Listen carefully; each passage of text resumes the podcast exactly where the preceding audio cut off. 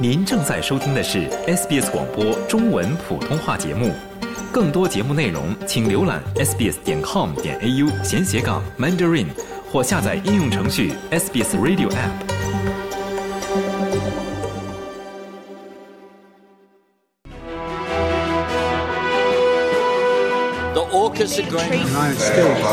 Israel batters Gaza in We are equal.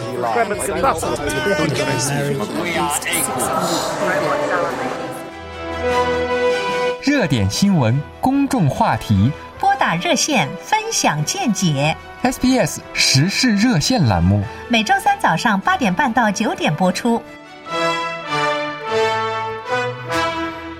听众朋友您好，欢迎您收听每周三和您相见的时事热线节目，我是刘俊杰。大家早上好，我是谢欣。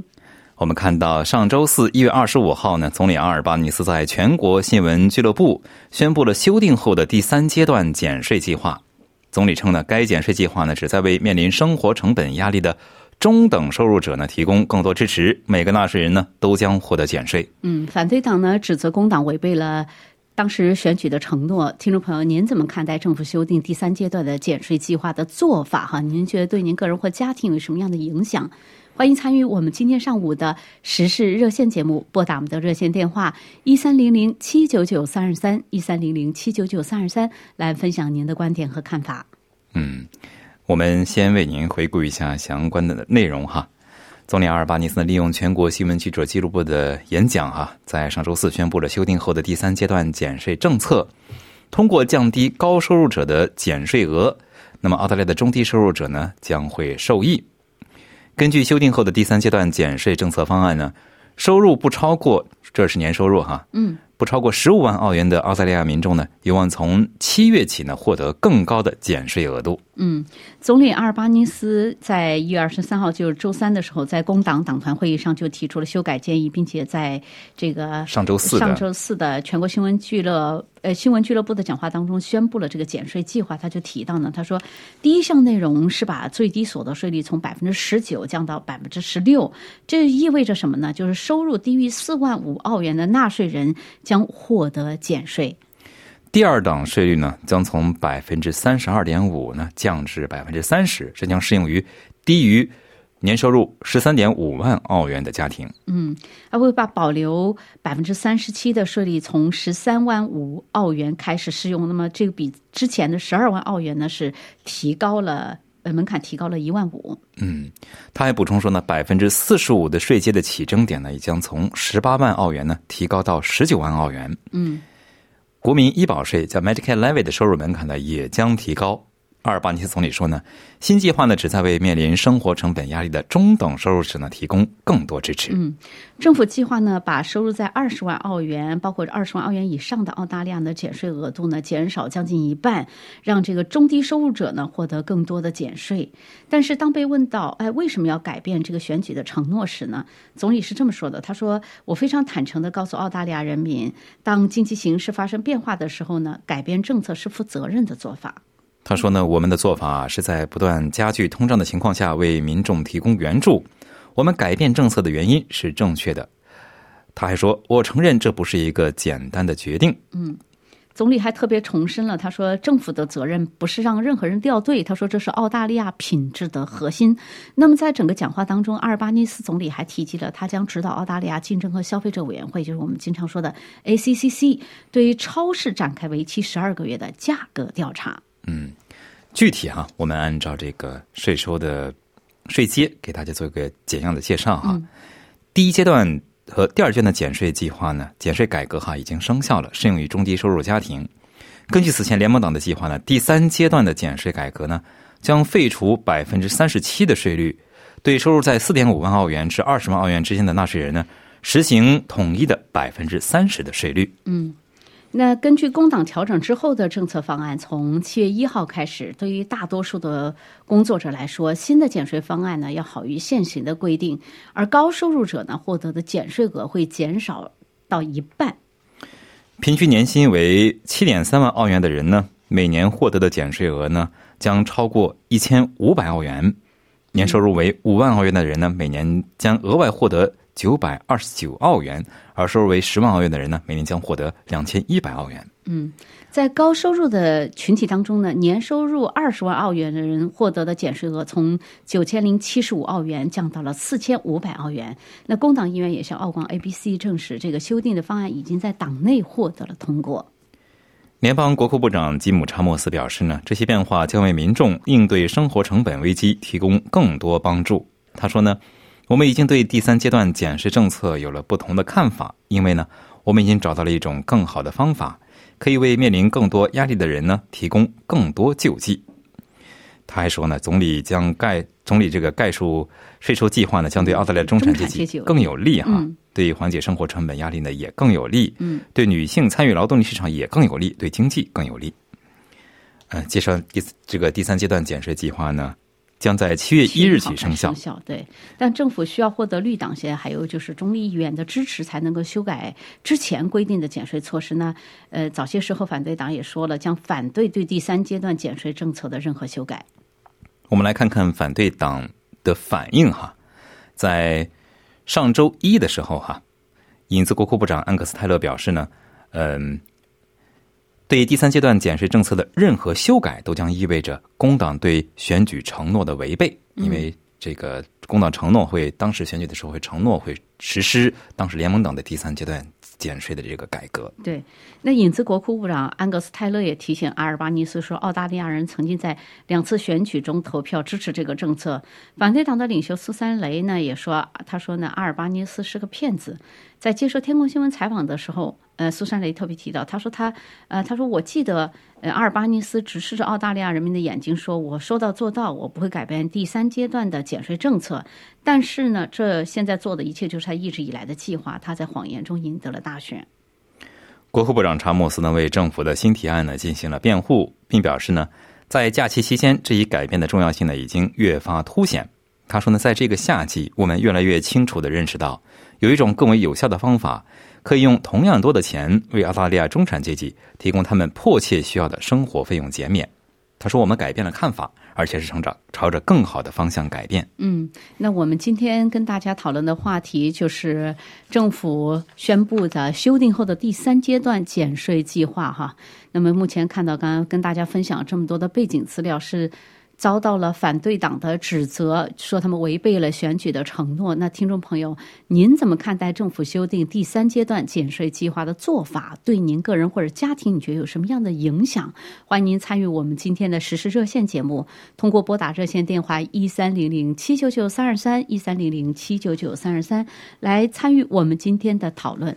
嗯，非常期待您参与我们节目，拨打热线电话一三零零七九九三二三来分享您的看法哈。嗯，呃。我呢看到一位专业人士哈，是澳大利亚国立大学社会研究与方法中心的副教授、经济政策研究中心主任，叫本菲利普斯。他呢撰写了一篇文章，分析了这个第三阶段减税方案的一些他认为的优势哈。嗯，我们看看他是怎么说的。对，呃，他说呢，阿尔巴尼斯政府对今年第三阶段减税政策进行了重新调整之后呢，按照政府的计划，从七月一号起，每个纳税人都将获得减税，大多数纳税人。他这儿有个数字哈，说的比较具体一些，即收入不超过十四万六千四百八十六澳元的这个纳税人有多少呢？有一千一百万，所缴纳的税款呢，也将少于第三阶段的早期版本，就是这个工党政府改革之前的联邦党的这一版，嗯，第三阶段的税收改革，有些纳税人的减税幅度呢，甚至是早期版本的两倍。嗯，然后他又关注了一下这个人数相对比较少的，他说少得多的一百八十万纳税人的减幅幅这个减税的幅度呢，将小于原计划，但是他们的减税的幅度仍然也很大。收入最高者的减税额将会从九千零七十五澳元降到多少呢？四千五百二十九澳元，也差不多就是一半，拦腰一半哈。但他说呢，我们中的许多人呢都生活在收入共享的家庭中，许多家庭不交税呢是因为收入不够，或者呢还在领取福利哈。嗯，呃，澳大利亚国立大学的 Policy Model 的模型呢，它是能够计算出家庭层面的影响，呃，包括对于家庭成员领取福利金或者收入不足以纳税的不足以纳税的家庭的一些影响。嗯，它的这个模型呢，把这个收入群体哈分为五个同等规模的组别哈。嗯，按照这个收入高低来分的。他说呢，基本上来说是每一个收入群体呢，都是赢家多于输家。模型发现呢，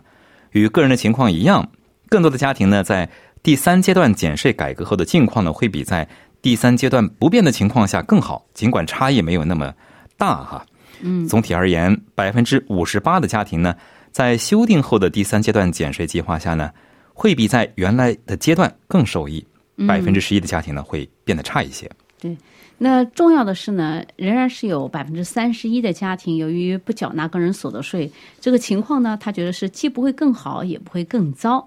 但是呢，不同类型的家庭情况不同，我们刚刚前面讲到了，它是怎么来分的？从这个收入从低，还按中下，还有到中，然后中上，还有高，它是这样来分了五个不同这个这五个这个规模的这样的一个组别。对，然后在收入最低的五分之一的家庭中，哈，嗯，境况好转的家庭占比是百分之十三点五，远远多于境况转差的家庭，这个占的比例是百分之零点二。嗯，绝大多数家庭的境况呢，既没有好转，也没有转差，就是基本维持不变。这个比例是百分之八十六点三，就是这个比例还比较大啊分为五个等级，分成五份儿之后，占底部这个经济状况的家庭。嗯，那我们来看看收入最高的五分之一的家庭哈。虽然说有一半以上的家庭好转，这个比例是占到百分之五十四点四，所以超过了一半，但是也有相当大的比例的家庭是转差，这个数字呢是百分之四十二点三。只有极少数的家庭呢，也就是百分之三点一的家庭，它基本上是没有任何变化的。嗯，就是分成五个等级之后的最低等级跟最高等级，它的一个基本的数据变化啊。嗯，呃，来看高收入家庭，按实际计算来收入计算来看的话，收入最高的五分之一的家庭的收入减少了，而其他家庭的收入都增加了。这是因为啊，虽然收入最高的五分之一的家庭中的赢家多于输家，但是呢，相对来说，我们经常说赢家这个 winner 和 loser 啊，嗯，这直接译过来叫输家，但输家的这个损失呢就更大，就是相对来说，这个减税额度就更小一些。嗯，那中等收入家庭和中上收入家庭的收益呢是最大的。中等收入家庭平均每一年会增加百分之呃会增加九百八十八澳元，中上收入家庭呢平均每年会增加一千一百零二澳元，这个算的非常的细了哈。那最高收入家庭呢每年平均减少八百三十七澳元。按照这个收入百分比计算哈，中等收入家庭的可支配收入呢增加了百分之一，收益最大；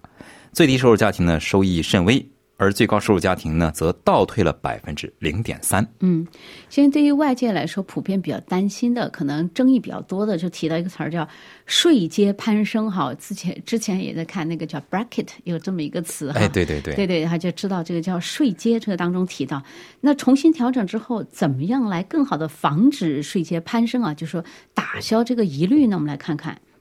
那么第三阶段减税政策的最初版本呢，曾被宣传为一项克服税阶攀升的措施，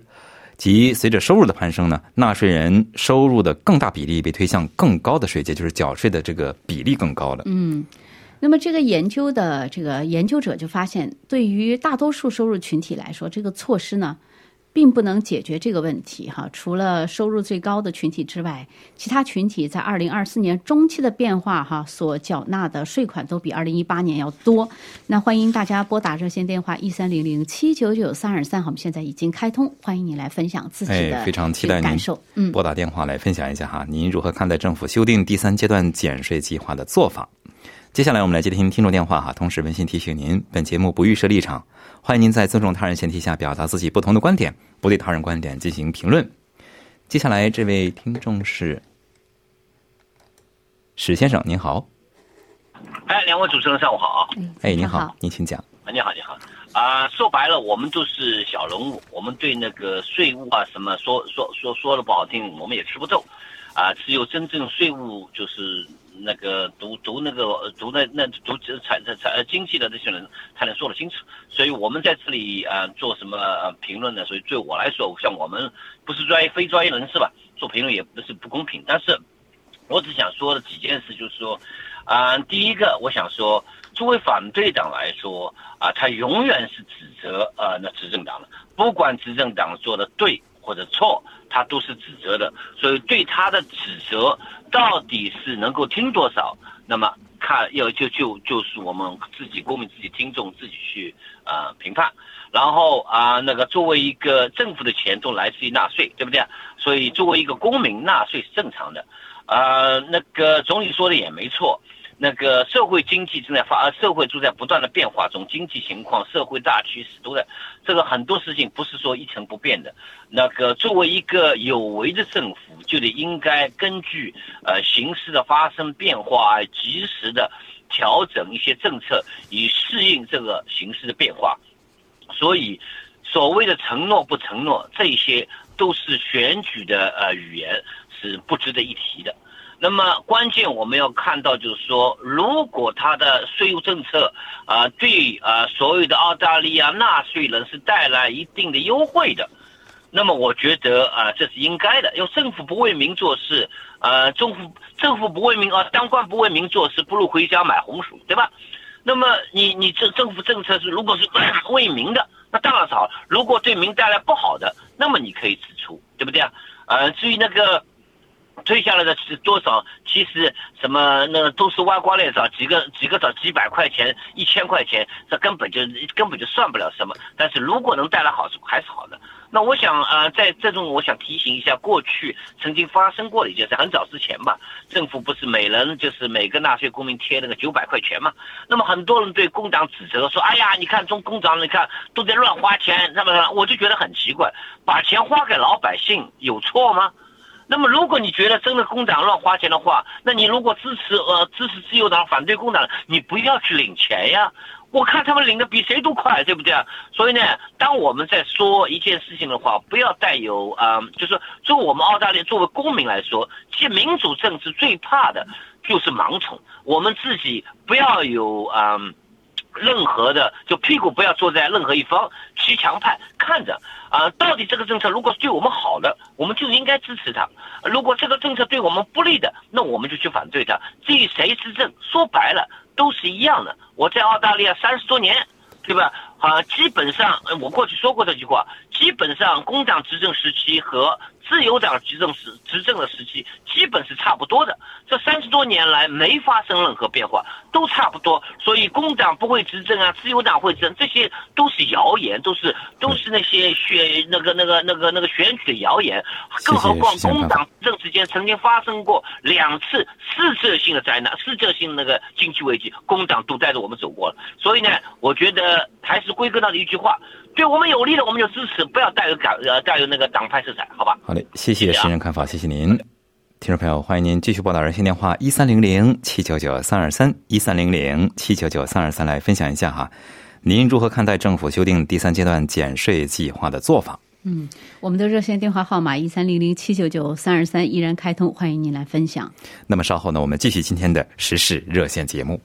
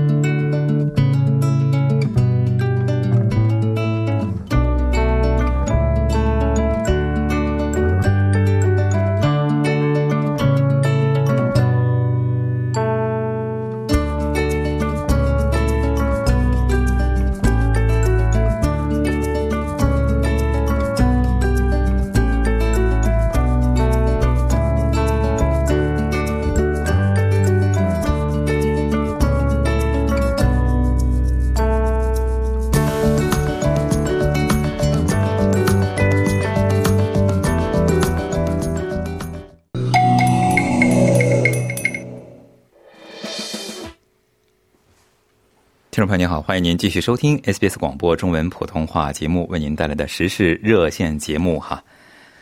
谢谢我们看到上周四一月二十五号呢，总理阿尔巴尼斯在全国新闻俱乐部宣布了修订后的第三阶段减税计划。嗯，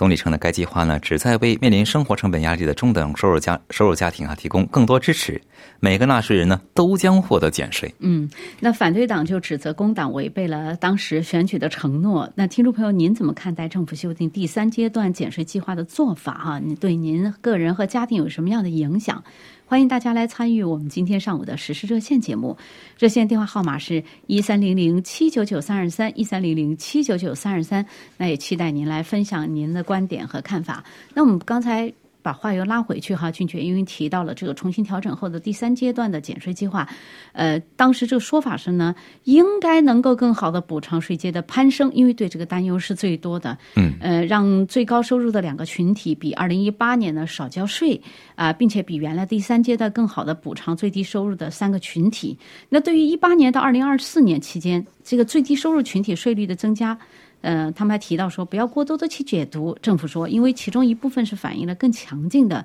收入增长，因为收入增长了，哎，所以这个要调整。啊，接下来啊，我们来和大家分享啊，堪培拉大学教授研究员米歇尔·格拉坦，他呢经常在《The Conversation》撰写文章哈，嗯，他呢对政府修改第三阶段减税计划呢进行了一个观察，嗯，他说呢，工党政府用自己的新一揽子计划取代了第三阶段减税政策，是三月二号的邓克利叫 dunkly，补选呢变成了一场税收政策选举。嗯，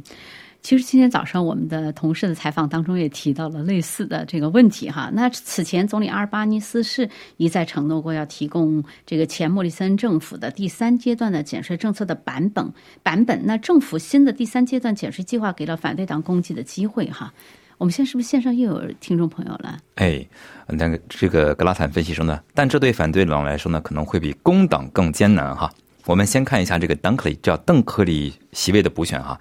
邓克利的绝大多数纳税人百分之八十七哈，在政府的减税政策下呢，将比在联盟党第三阶段的政策下呢过得更好。这是工党强有力的竞选路线。嗯，这是打断面临的第一个问题哈。嗯，那么对他的反应呢，也提出了挑战哈。热线电话依然是一三零零七九九三二三。听众朋友，您如何看待政府的减对第三阶段减税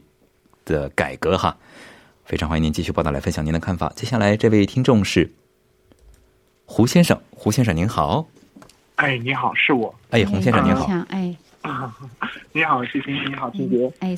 关于减税计划的话，我觉得我本身还是比较高兴的。嗯嗯，因为毕竟现在生活成本压力上升，然后通胀、油价也上涨，所以总的来说，嗯，虽然减的并不是很多，如果以六万，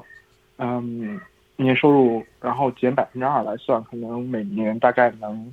嗯，少交一千两百块钱的税。可嗯能平均下来每天的话能，嗯，是就是额外的可支配收入可能能多四到五块。其嗯实，在现在的物价背景下，四到五块买不了太多东西，但我觉得也是件好事吧。把车的全险基本上可以 cover 一下哈。呃，看人，我是二十五岁以下，所以可能会比较贵一些。对，嗯 嗯，对，呃，它总归来说，如果从一年来看，一千二百块钱也不是个小数目，但是如果分配到每天来看，可能少了一些。而且我觉得，嗯、政府也有政府的难处，毕竟交税它，嗯，它也是有道理的，政府也要去拿税去做一些公共的事务。对所以我理解政府的难处。然后至于竞选承诺的违背，我觉得，嗯，我其实没有那么关心政治，但我有的时候看新闻，经常听到说某某竞选人违背了竞选承诺，无论是在澳洲还是在其他国家，我倒觉得习以为常，而且，嗯，如果不是什么很大的，嗯。这个，嗯，就是他只是稍微违背了承诺，其实选民来说也是能接受的。毕竟，嗯，竞选的时候很多口号，到真正执政的时候去改变，我也是能理解的。嗯，非常但可能是因为我是嗯，